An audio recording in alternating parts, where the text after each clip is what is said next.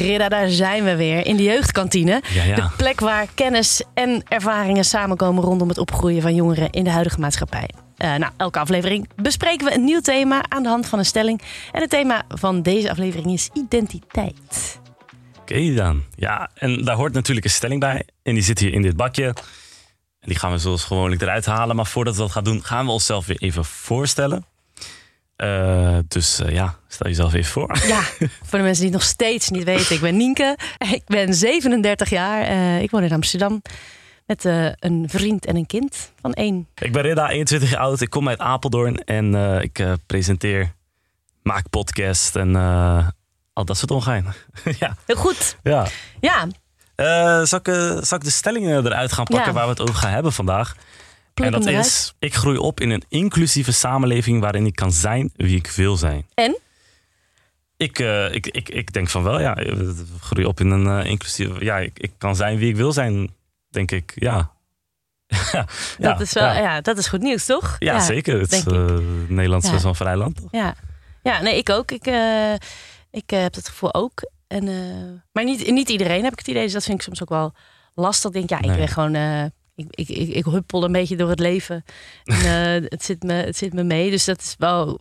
Ik weet niet zeg maar of het voor iedereen geldt ja. in ons land. Maar voor mij, voor mij ook zeker wel. Ja. Nou, misschien ja. kunnen de gasten ons uh, wat wijzer maken en mm -hmm. uh, meer vertellen over dit onderwerp. Welkom. Hey, hallo. Marijke Nezar, hoe gaat hallo. het? Goed. Ja? Ja, zeker. Wil je wat drinken? ja, lekker. Beetje water alsjeblieft. Water. Marijke, zou je jezelf willen voorstellen? Uh, ik ben Marijke Nezar, uh, cultureel antropoloog, uh, dankjewel. en genderstudieswetenschapper. En ik doe onderzoek naar gender, diversiteit en seksualiteit. Ja, want dat is misschien ook wel goed om even te noemen. Het thema van de aflevering is identiteit. Ja. Dat is natuurlijk een heel breed begrip. Ja, klopt. maar in deze aflevering zoomen we dus eigenlijk wel in op, op genderidentiteit. Is wel waar ik het meest van weet. Ja, ja. precies. Dat is wel fijn voor jou. Totdat we niet over iets heel anders gaan hebben. ja. ja, je hebt net van mij uh, de bestelling gekregen. En daar hoort natuurlijk ook een stelling bij waar we het uh, deze aflevering over gaan hebben. Uh, dus ik, ja, ik geef hem aan jou en dan kun je hem voorlezen. Ik groei op in een inclusieve samenleving waarin ik kan zijn wie ik wil zijn. Ja, ik ben je daarmee eens voor mij persoonlijk gaat hij redelijk op. Maar ik weet zeker dat er een heleboel mensen zijn die het hier niet mee eens zijn. En daar ja. ook echt goede redenen voor hebben. Nou, daar gaan we het uh, uitgebreid over hebben, uiteraard. Maar we beginnen altijd even met wat feiten en cijfers. Dus ik ben uh, weer de digitale archieven ingedoken van het Nederlands Jeugdinstituut. Bij identiteitsontwikkeling gaat het grofweg om twee aspecten: de manier waarop de jongere zichzelf ziet, zelfbeeld, en de mate waarin de jongere het eigen zelfbeeld kan waarderen, eigenwaarde of zelfvertrouwen. Lesbische, homoseksuele en biseksuele jongeren tussen de 11 en 16 jaar ervaren meer psychische problemen en worden meer gepest dan hetero-jongeren. Bij de ontwikkeling van genderidentiteit zijn rolmodellen belangrijk. Jezelf herkennen in mensen om je heen en voelen dat je geaccepteerd wordt zoals je bent. Maar ook rolmodellen in de media helpen om jezelf aan te kunnen spiegelen. Ja, kloppen deze feiten een beetje met wat jij terugziet in je onderzoek? Ja, absoluut. Ja, voor jongeren, niet alleen de LHB-jongeren, maar ook de andere, de TQI-jongeren, uh, is het echt ingewikkelder om op te groeien, omdat onze samenleving daar gewoon nog niet op toegespitst is. Misschien goed om dan in dit stadium voor mensen die, die letters een beetje gaan duizelen. LHB ja. gaat over je seksualiteit. Uh, ben je lesbisch, ben je homoseksueel, biseksueel. En die andere letters gaat dus inderdaad meer over je gender. Klopt dat? Deels. De T en de Q gaan daarover. De T staat voor transgender, de Q staat voor queer. Uh, en sinds kort uh, wordt ook vaak de I van intersexen erbij gerekend. Hoewel daar discussie over is. Uh, niet alle intersexe mensen zien zichzelf als onderdeel van de regenbooggroep. En want wat is intersexe?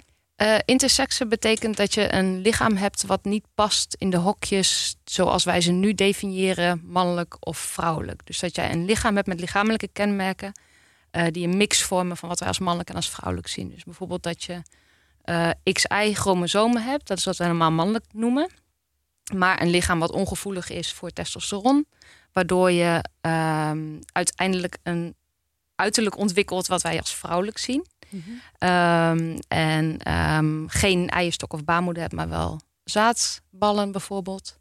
Um, dus dat is een lichaam wat ingaat tegen hoe wij normaal gesproken denken: hey, zo ziet een man eruit, zo ziet een vrouw eruit. Ja. En dat kan allerlei verschillende vormen krijgen. Ja. Laten we even naar de stelling gaan. Uh, dat is best wel een lange stelling, maar ik groei op in een inclusief samenleving waarin ik kan zijn wie ik wil zijn. In wat voor samenleving groeien we eigenlijk op? Je zei al, ik, kan, ik ben het er mee eens, maar voor veel mensen geldt het niet. Ja, het is heel belangrijk um, wie je bent en hoe je eruit ziet. Um, in hoeverre je een plek hebt in onze samenleving. En we hebben gewoon duidelijk meer plek voor bepaalde groepen dan voor anderen. Um, als je bijvoorbeeld kijkt naar uh, gender, uh, dan is het voor uh, cisgender mensen makkelijker dan voor de mensen die niet cisgender zijn. Cisgender betekent dat je thuis voelt bij het hokje wat jou is toegewezen bij je geboorte.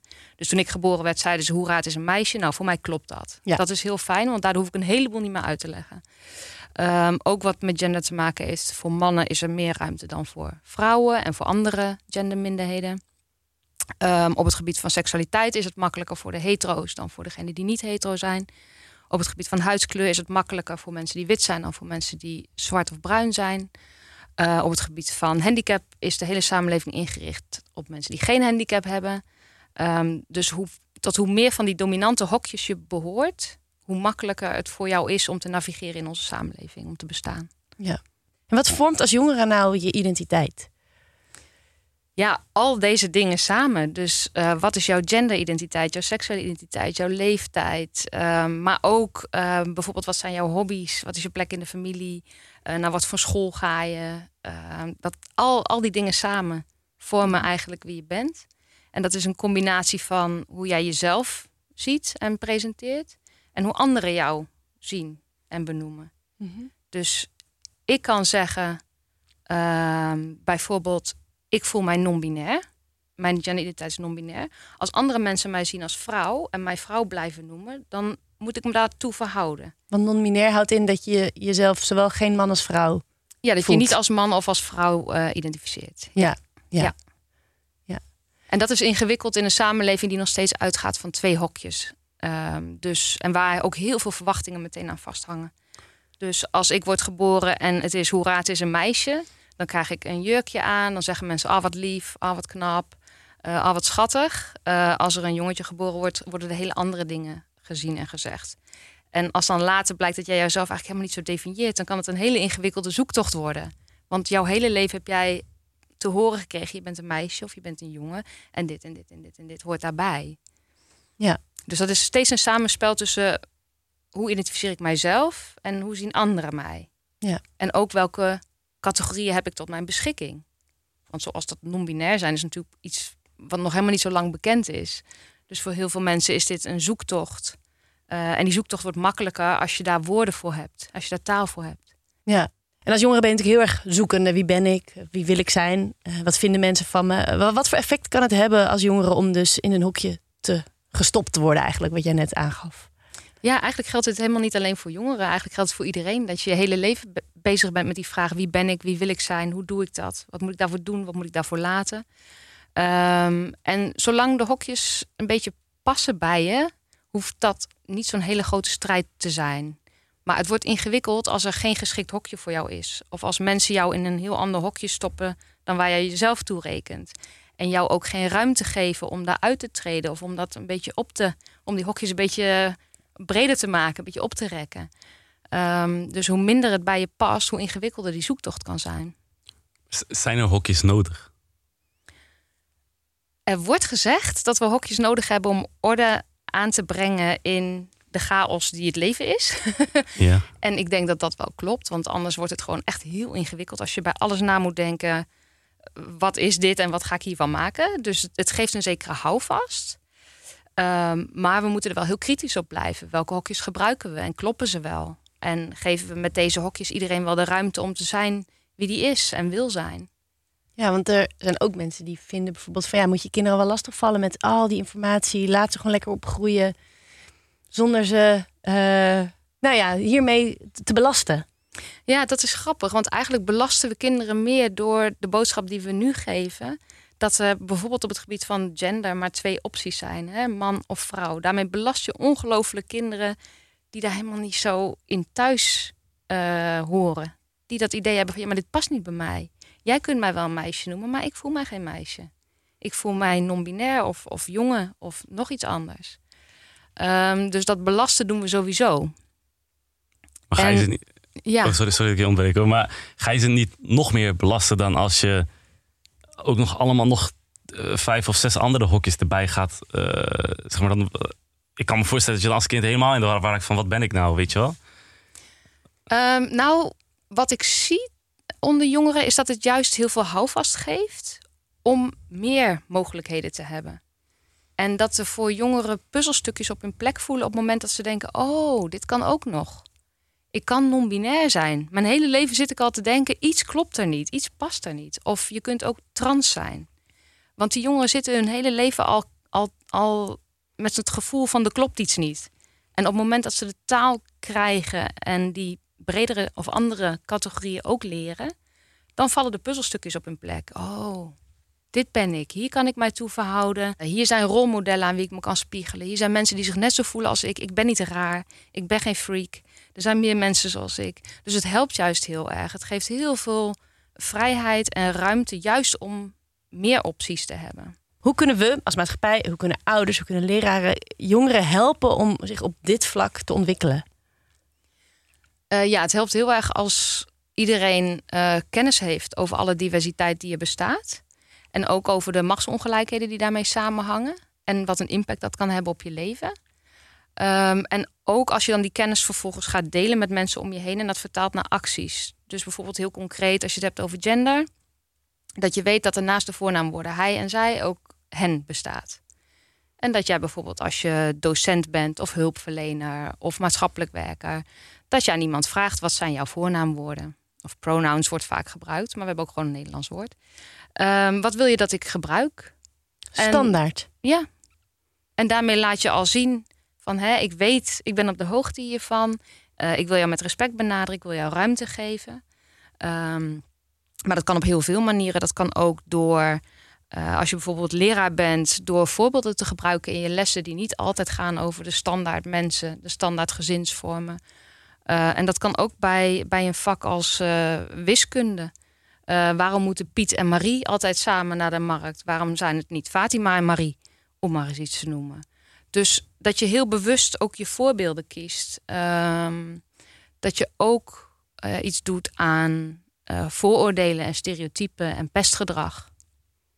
En wat ik nu vaak nog wel hoor, is dat docenten ofwel daar niet bij ingrijpen, eh, ofwel zelf eraan bijdragen, wat natuurlijk nog erger is. Uh, maar het is wel echt belangrijk dat we met z'n allen daarop ingrijpen als dat gebeurt. Want dat is wel wat het leven van jongeren die dus niet in die hokjes passen of in de dominante hokjes passen, heel ingewikkeld maakt. En wat is de rol van social media op de ontwikkeling van die eh, identiteit? Ja, sociale media zijn natuurlijk een hele belangrijke rol gaan spelen in de afgelopen jaren. Uh, en ik heb gezien in mijn onderzoek dat dat voor jongeren heel belangrijk is geworden. Um, dat dat eigenlijk net zo belangrijk is als, als alle dingen die ze offline meemaken. Uh, en dat uh, sociale media vooral voor jongeren die uh, niet tot de norm behoren, mogelijkheden bieden om mensen te vinden die zijn zoals zij. Om informatie daarover te vinden, om daarover uit te wisselen, om op zoek te gaan, om te experimenteren. Dus dan hebben we het bijvoorbeeld over de LHBTQI jongeren. Ehm, voor wie opeens een wereld open kan gaan van... hé, hey, ik ben niet de enige. Ik dacht echt in mijn dorp dat ik de enige was. Een meisje vertelde mij, ik kende niemand in mijn dorp of op mijn school... die lesbisch was, net als ik. En opeens online zie ik video's op YouTube... van lesbische koppels die opeens hartstikke leuk blijken te zijn... en ook nog eens een keer een fijn leven hebben. En er ging opeens, ik, ik, er ging opeens een wereld voor me open. En ik dacht, oh yes, ik kan gewoon een fijn leven hebben... met mijn lesbisch zijn. Dus, um, of een trans jongen die altijd had gedacht: ja, ik kan niet trans zijn, want ik ben niet zo'n stoere macho. Hè, want dat was zijn beeld van hoe een man, of een transman was. En hij zegt opeens: zie ik trans mannen die lief zijn en gevoelig en verlegen. En denk: oh, ik kan dus ook een lieve, gevoelige, verlegen transman zijn. En toen klikt het opeens wel in zijn hoofd van: oh, ik ben gewoon een transjongen. Um, en die ook opeens een community weten te vinden, steun bij elkaar kunnen vinden. Uh, ja, sociale media kunnen daar echt heel belangrijk bij zijn. En kan dat ook negatief werken? Dat misschien sommigen te ver gaan daarin of zo? Um, het negatieve wat ik vooral zag was um, de homofobie en transhaat waar jongeren online mee te maken krijgen. Uh, zowel in de traditionele media als op de sociale media, want hier kunnen ook volwassenen echt wat van. Eh, die dus ontkennen bijvoorbeeld dat transjongeren bestaan. Of dat je non-binair kan zijn. Of dat dat allemaal maar flauwekul is of een hype. Ehm, en, en die daarmee dus ontzettend ingewikkeld maken voor jongeren om dat aspect van hun identiteit te onderzoeken en vorm te geven. Nou, Dus dat, dat kan zeker een heel negatief. Dus de pesterijen, de negatieve opmerkingen, de ontkenningen waar ze mee te maken krijgen, die kunnen echt heel negatief uitwerken. Ja. Begreep van een kennis van mij, die is lerares. En die zei ook van ja.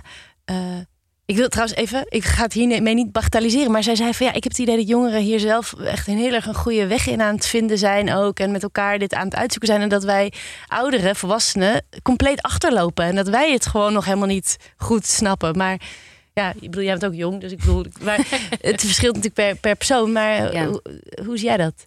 Ja, dat is lastig, want je wil natuurlijk niet stereotyperen naar leeftijd. Nee. Ehm, tegelijkertijd zijn natuurlijk wel de jongeren over het algemeen wat meer thuis op sociale media. Eh, heel veel volwassenen hebben nog geen idee wat TikTok bijvoorbeeld is eh, of Instagram. Ehm, dus er is wel in brede zin een verschil.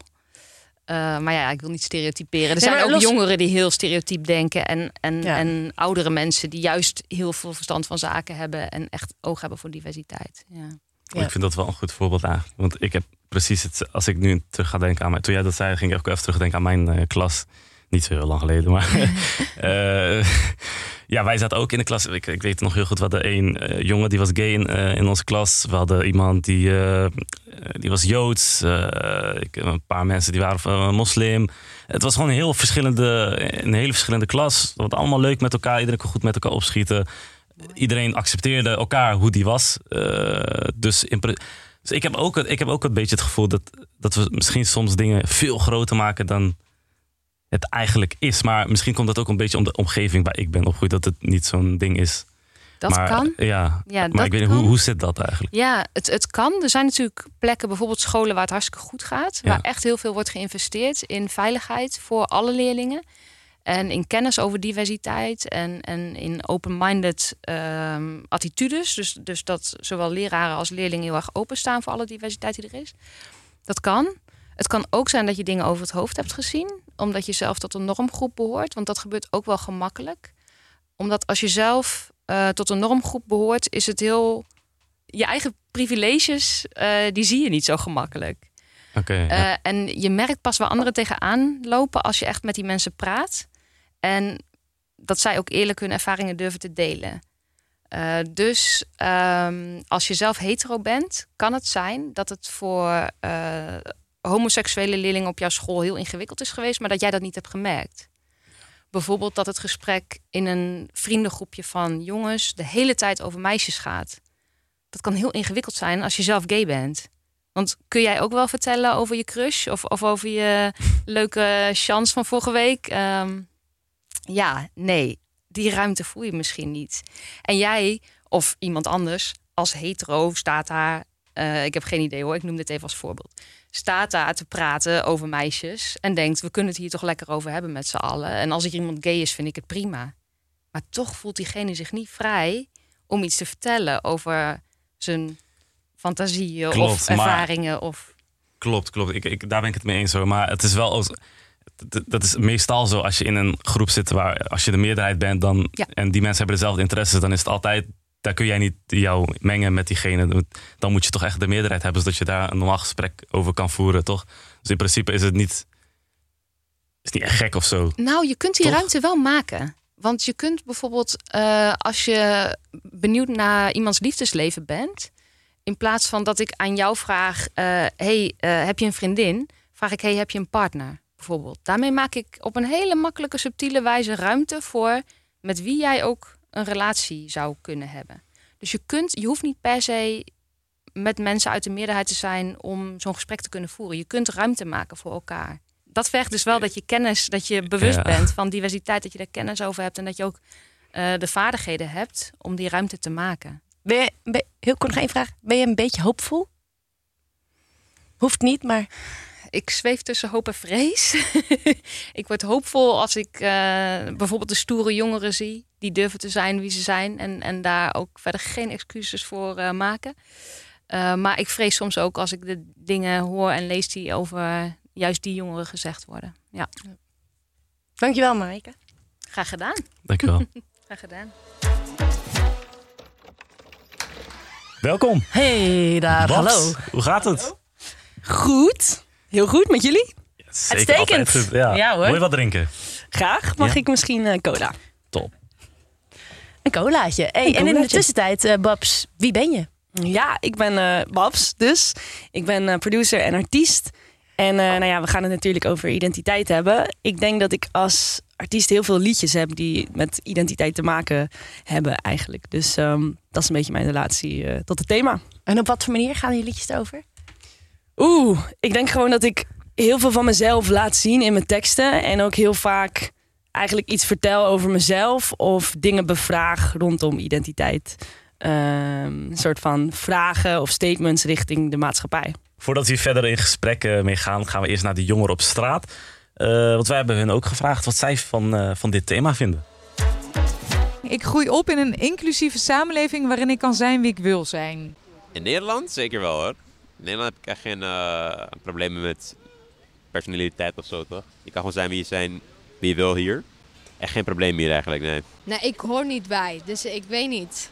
Het zit gewoon anders bij mij. Ja, ik, eh, ja, dat zie ik wel gewoon. Dat mensen heel erg, weet je wel, exclusief zijn. Dus dan zijn ze gewoon voor iedereen, weet je wel. En ik kan gewoon zijn wie ik wil zijn. Dus dat ben ik best wel blij mee. Ja. Nee, ik, eh, ik heb het gevoel dat we als samenleving toch nog best veel ehm, om onszelf geven, maar daardoor ook heel veel eh, ja, oordelen over de ander. En ik denk niet per se voor mij persoonlijk, maar dat het gewoon. Ja, ik voel nog niet dat we één zijn als samenleving. Ik heb toch het idee dat er nog veel verschillen zijn, en veel verschil van meningen. En dat dat soms nog steeds heel erg kan botsen. Ja, Ja, ik vind het wel eh, opvallend. Ik heb het idee dat er veel, veel jongeren zijn die zeggen van... ja, ik groei eigenlijk op in een inclusieve samenleving en ik kan eh, mezelf zijn. En ik had dat eigenlijk niet verwacht toen ik de stelling hoorde. Omdat, nou ja, wat mij betreft toen ik opgroeide... toen had ik, had ik niet dat idee. En eh, nou ja, ik vind het wel heel mooi dat dat blijkbaar... dat daar ontwikkeling in zit, wat de jongeren betreft. Ehm, als ik voor mezelf kan spreken, dan is het zo dat het voor mij in bepaalde bubbels wel zo geldt. Dus in mijn eigen bubbel in Amsterdam voel ik me veilig, kan ik mezelf zijn. Ehm, maar als ik daaruit ga, dan absoluut niet altijd. Want wat gebeurt er dan? Nou ja, ik kom wel eens in een soort van situaties waar, waar ik me onveilig voel of mensen me een onveilig gevoel geven.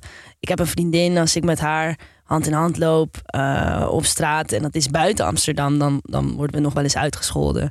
Ehm, dat soort dingen. Dus dat, ja, dan daarin kan ik niet helemaal mezelf zijn. Want als ik mezelf zou kunnen zijn, dan zou ik gewoon zonder zorgen, zonder zeg maar risico de hand van mijn vriendin vast moeten kunnen houden. Dat is dus echt niet overal zo in Nederland, denk ik. Ja. En je bent artiest en je hebt een missie. Je zei al, ik zing er heel, heel veel over. Eh, waarom, waarom is dat? Of hoe zit dat? Waar- waarom ben je daarin zo gedreven? Ja, ik denk dat ik ja, dat het heel erg komt vanuit mijn eh, jeugd eigenlijk en hoe ik opgroeide en dat ik heel erg een soort van rolmodel miste. En ehm, ik denk dat het heel belangrijk is dat jongeren eh, een soort van een rolmodel kunnen hebben, dat ze die zien of horen in de media en dat ze ja, zichzelf daar ook in kunnen zien. Zo van, hé, hey, ik ben ook een beetje zo. Ehm, nou ja, ik ben een rapper bijvoorbeeld, maar ja, ik zag nooit echt vrouwelijke rappers. En ik ben dus ook producer. Nou, die, daar zag ik al helemaal geen eh, vrouwen van. En nu, vandaag de dag, nog steeds niet. Dus ik vind het eigenlijk heel belangrijk om te laten zien van... er zijn wel daadwerkelijk vrouwen die kunnen produceren... en er ook echt goed in zijn. Het is geen mannending. Zeg maar, of je goed bent in het maken van muziek...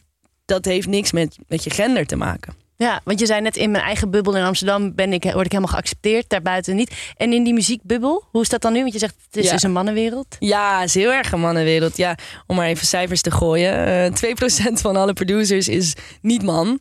Ehm, dat, dat is echt bizar weinig natuurlijk. Er zijn genoeg beroepen waarin eh, eh, mannen de overhand hebben. Maar 2% is heftig. En ik merk het... Ja, ik heb een opleiding gedaan tot producer. Dus ehm, toen zat ik in een klas als enige vrouw. Ehm, en ik merk gewoon eigenlijk dat ik niet altijd eh, serieus word genomen in mijn rol als producer. Dus als ik een studio, studio binnenkom, als producer zo van... oké, ik ga in deze studio zitten om te produceren. Dan gaat niemand ervan uit dat ik kom om te produceren. Dan gaan ze er of vanuit dat ik het vriendinnetje ben van... eh, de producer of de drummer of, de, of dat ik een zangeres of een toetsenist ben. En daar zitten heel veel stereotypes echt ook op specifieke instrumenten. En dat is, ja, dat is wel jammer. Vind ik. En lukt het om die te overbruggen? Als je gewoon vertelt, nou, eh, ik ben hier de producer. Of blijft dat hangen? Dat blijft hangen, ja. Eh, sterker nog, ik heb dus bewust mijn Instagram-handle is Babs op de beat. Zo van, ik heb de beat gemaakt. Dat is het idee om te laten zien van, ik ben de producer. En dan krijg ik nog steeds heel vaak de vraag van, eh, wie heeft je beats geproduceerd? En dan denk ik, huh, wat moet ik doen om ervoor te zorgen dat mensen serieus overwegen dat ik dat zelf heb gedaan? Ehm, ja. En dat was dan misschien, die antwoord op die vraag, de muziek overmaken. Ja, ja, precies. Ja. ja, en ik probeer het wel gewoon heel vaak te zeggen. Ehm, want ik denk dat het pas, ja, mensen het pas doorgaan hebben als je het blijft zeggen of blijft benoemen. Ehm, en het, ja, maar ergens vind ik dat ook wel vervelend. Want ik wil ook niet de hele tijd zo, ik heb het gemaakt, weet je wel. De hele tijd dat moeten benadrukken.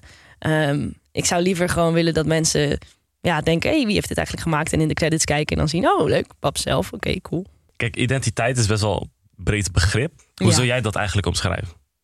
Oeh, ja, lastig. Goeie vraag. Ehm, ja, het gaat natuurlijk heel erg om zijn en jezelf zijn. En ik denk dat het te maken heeft ook met dus hoe jij jezelf ziet en hoe je dat uit. Dus een stukje zelfexpressie. En dat zit hem denk ik in kleding, in haarstijl, in tatoeages, eh, allemaal dat soort dingen. En maar het is wel echt iets wat denk ik ja, binnen zit. Klinkt een beetje vaag misschien. En dat wat binnen zit, dat eh, is er nu volgens mij best goed bij jou aan het uitkomen. Je bent 24, Ja. je komt over als iemand die best wel nu een beetje heeft gevonden wie ze wil zijn. Maar hoe Ja. was het als kind? Ja, lastig. Ik denk, eh, als je kind bent, als je echt nog jong bent, dan ben je er helemaal niet mee bezig. En dan kan alles ook, voor mijn gevoel. Ik was als kind was ik echt eh, zorgeloos. Toen deed ik gewoon waar ik zin in had. Ik droeg altijd kleren van mijn broers en het maakte allemaal helemaal niet uit. Ehm, maar dan kom je in de puberteit en dan, nou ja, dan wordt het toch ineens een dingetje, die identiteit. En vooral vanwege het beeld wat anderen van jou krijgen. Ehm, en ik merkte dat, nou, ik ben altijd gewoon iets anders geweest dan de meisjes uit mijn klas. Eh, terwijl ik me wel identificeerde als meisje. Maar ik vond alles wat de jongens deden, vond ik veel leuker. Dus ik, ik hield heel erg van voetbal. Ik speelde ook liever met jongens dan met meisjes. Ik vond die dingen gewoon niet zo interessant. En toen dacht ik, ja, op de middelbare school, toen gingen mensen daar een beetje gek over doen. Van je moet met de meisjes eh, moet je afspreken. En eh, daar moet je, waarom ben je de hele tijd bij de jongens? En die jongens die vonden het eigenlijk ook helemaal niet meer leuk dat ik bij de jongens was.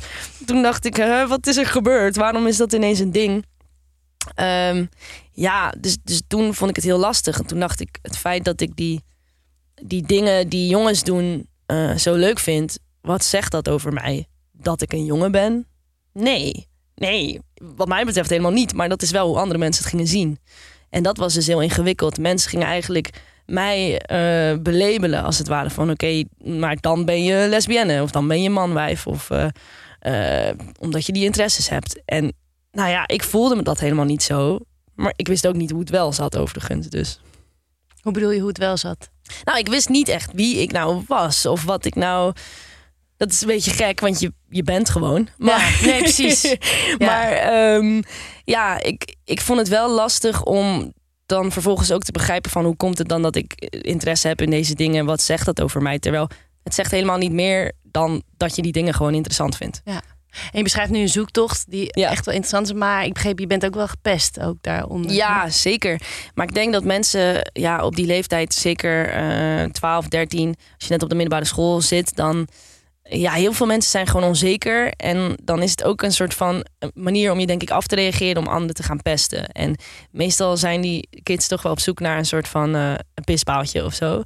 Ehm, en dat is dan meestal iemand die, eh, die opvalt, omdat die een beetje anders is dan de rest. Ja. Nou ja, en dat was ik. Maar dat lijkt me dus de zoektocht wel moeilijker maken nog. Absoluut, ja. Ja, want het, wat vooral ingewikkeld is, is denk ik... je moet je dus comfortabel genoeg voelen om dingen uit te proberen. Bijvoorbeeld met je kleding of je haar. Ehm, maar als iedereen de hele tijd eh, je vertelt... eh, dat je haar lelijk is of eh, dat je meisjeskleding aan moet doen omdat het raar is dat je jongenskleding draagt, dan heb je dus niet die vrijheid om dat uit te proberen. Ja. Dat maakt het heel ingewikkeld. En hoe is het eh, gedraaid? Hoe heb je dan ja, je identiteit gevonden? Klinkt een beetje groot, Ja. maar Ja, ik denk dat ik in eerste instantie ehm, een soort van passie of hobby vond. Waarin ik gewoon volledig mezelf kon zijn zonder dat het gek was. En voor mij was dat toneel. Ehm, ik, ik ben altijd best wel extravert geweest. En oh, ik hou gewoon een beetje van gekkig doen. En als je aan toneel doet, dan mag dat allemaal. Dan mag je gewoon eh, een dansje doen of schreeuwen of op je hoofd gaan staan. Dat maakt niet uit, want het is toneel. Ehm, en daar kwam ik mensen tegen die eigenlijk ook waren zoals ik was. En wat creatiever en wat meer, nou ja, soort van out of the box denken. Wat, wat opener als het ware. En ehm, ik merkte dat ik daar gewoon, dat, het, dat mensen het leuk vonden hoe ik was. En dat was de eerste keer dat mensen het Ah. leuk vonden. Ja, ja, klinkt heel stom. Ehm, maar toen begon ik ook te merken van, eigenlijk is het alleen maar een soort van superpower of een kracht of iets leuks dat ik niet precies ben zoals allerlei andere mensen. Ehm, eigenlijk is dat alleen maar leuk. En eh, toen begon ik voor het eerst ook een soort van. ehm, ja, toen, toen werd ik een soort van weer blij met mezelf. Dat ik dacht van oké, volgens mij mag ik er gewoon zijn. Ehm, en eh, wat ook zo was, is dat ik een hele zoektocht heb gehad wat betreft mijn seksualiteit. En dit was de eerste keer dat ik iemand sprak die biseksueel was. En ik wist niet dat dat bestond. Dus ik dacht, ik heb jarenlang gewoon gedacht dat er iets mis met me was. Omdat ik zowel jongens als meisjes leuk vond. Ik dacht, dat kan niet. Dat, dat bestaat niet. En toen kwam ik erachter dat het bestond. Dat was voor mij ook een heel groot ding. Ik ben niet gek. Er zijn andere mensen die zich ook zo voelen. En dat is precies waar dus mijn missie om draait. Van laten zien van dat er gewoon eh, heel veel verschillende soorten mensen zijn. En ik hoop gewoon dat mensen die, die mij zien of horen ook kunnen denken van... hé, hey, oh, dit kan dus ook. Of zo, zo voel ik me ook. Dus ik, ik ben niet de enige die er zo over denkt of, er, of zich zo voelt. Dus je vond eh, heel veel gelijkgestemden ook in die toneelgroep. Ehm, je kon daar steeds meer jezelf zijn, maar was een soort omslagpunt dat je dacht, en nu heb ik het? Ja, ik moet zeggen dat op hetzelfde moment eigenlijk, of rond de periode dat ik eh, bij die toneelvereniging of club of groep ging. ehm, en dat was dus een periode dat ik echt extreem onzeker was. Ehm, en niet meer soort van de aula in durfde te lopen, omdat ik, ik wilde gewoon niet dat mensen me zagen. En ik was gewoon de hele tijd bezig met wat iedereen van me dacht. En dat vond ik heel belangrijk. Ehm, en toen stelde mijn moeder voor, en mijn moeder is kinderarts, en zij stelde voor: misschien is het een idee om een keer met een kindercoach in gesprek te gaan over die onzekerheid van jou. En toen hebben we dat gedaan. En ik dacht nog: kindercoach, wat is dit? Ehm, nou, en toen zat ik daar en, ehm, nou ja, ik weet nog dat zij een soort van aan mij vroeg: van waarom vind je het zo belangrijk wat mensen van je vinden? Nou, en dat is echt de hoofdvraag. En dat ik dacht: wow, ja, ja, geen idee. Waarom, waarom maakt me dat zoveel uit? En ik, dat was echt het punt dat ik me realiseerde van... het maakt me niet uit. Het gaat eigenlijk om hoe, het gaat hoe, hoe, om hoe ik me voel. En dat ik, daar, dat ik me daar gelukkig bij voel. En dat was echt het omslagpunt. En eh, het mooie was dus ook van... we hadden dus één zo'n sessie. En daarna was het gewoon klaar. Het was opgelost eigenlijk. Omdat ik dacht, ja, het maakt me allemaal niet meer uit. En dat is het, dus het punt waarop... ik had een super laag zelfbeeld. Maar toen dacht ik, ja, nee, ja dat was het eerste, eerste moment dat ik mezelf dus leuk ben gaan vinden eigenlijk. En dat is het belangrijkste. Dat je je goed voelt in je, in je eigen huid en in je eigen lichaam. En, ehm, en dan volgen er denk ik waarschijnlijk ja, vanzelf wel mensen die, die ook zien wie jij bent en dat ook leuk vinden. Goed man. En is het ook niet een beetje normaal dat als je eh, dat, dat, dat de jonge kinderen nog op zoek zijn naar hun identiteit en dat je nou, bijvoorbeeld in zo'n middelbare school een beetje achterkomt van wie je nou bent en waar Ja. je vandaan komt, toch? Ja, ja ik, denk dat, ik denk dat kinderen sowieso misschien wel in de war zijn. Maar dat komt uiteindelijk. Ja, snap je? nee, dat Mhm. klinkt heel stom. Maar ik bedoel, Ik snap wat je Eh, bedoelt. je ja. bent op zoek naar jezelf en wie je bent. Dus je gaat inderdaad ook dingen tegenkomen en denken: ben ik zo, ben ik niet zo? Eh, dingen bevragen. Ik denk dat, dat, dat je dat altijd hebt. Eh, dus ja. Hey, en eh, jouw ouders, ik weet niet hoe jouw situatie is, maar welke rol kunnen ouders spelen in die zoektocht? Ik denk dus die representatie, wat ik zei, ehm, ervoor zorgen dat er genoeg soort van diversiteit zit in, in de boeken die ze voorlezen, in de series die ze samen kijken. Ehm, ik denk dat dat gewoon heel belangrijk is. Maar verder is het heel ingewikkeld, want ja, je, kan als ouders ook wel in gesprek gaan en zeggen alles is oké, eh, het mag. Maar het is zo'n persoonlijk ding. Je moet jezelf eerst accepteren voordat, voordat het belangrijk wordt of anderen jou accepteren eigenlijk. Dus ehm, daar kunnen ouders wat minder in betekenen, denk ik. Ehm, maar ja, zolang je duidelijk maakt van, van ik hou hoe dan ook van je. ehm, en je bent bewust met wat je, wat je laat zien en wat je voorleest en zo. Dan ja, dat is denk ik wat ouders kunnen doen. Heb je nog tips voor jongeren die eh, worstelen met hun identiteit? Ja, ik denk wat voor mij dus heel erg heeft geholpen, is dat ik die hobby of die passie vond in het toneelspelen. Ehm, je, moet denk ik iets vinden waarin je jezelf kan uiten. En voor mij was dat iets creatiefs. Ik denk dat het voor veel mensen iets creatiefs kan zijn. Maar voor heel veel mensen kan het ook sport zijn. Dat je gewoon fysiek jezelf kan uiten. Ehm, ik denk dat het daar begint. Als je gewoon iets vindt wat je echt heel leuk vindt, waar je ei in kwijt kan. Dat is onderdeel van je identiteit. Dus dat is al een soort van het eerste puzzelstukje misschien van je identiteit. Dus dat, dat zou mijn tip zijn. Goeie tip. Dankjewel. Ja, heel veel dank. Graag gedaan. Ja. Jullie bedankt. Ja. Fijne dag nog. Ja. ja, we begonnen natuurlijk allebei de aflevering met dat we het gewoon eens zijn met de st- stelling. Maar ja, nu concluderend, ja, we behoren natuurlijk gewoon allebei, wat dit betreft, ook wel een beetje tot de grote norm. Ja. Ja. Eh, maar het is dus toch echt belangrijk om op te blijven letten, ja, wie, wie zich niet geaccepteerd voelt.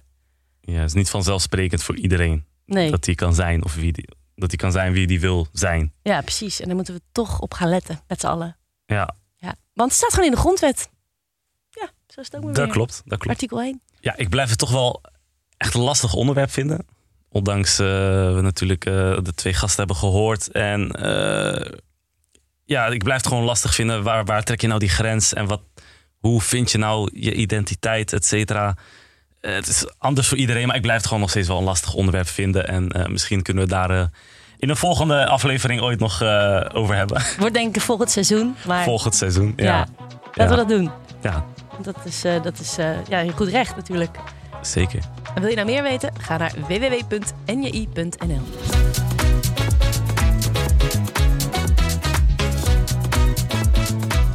Een podcast van het NJI.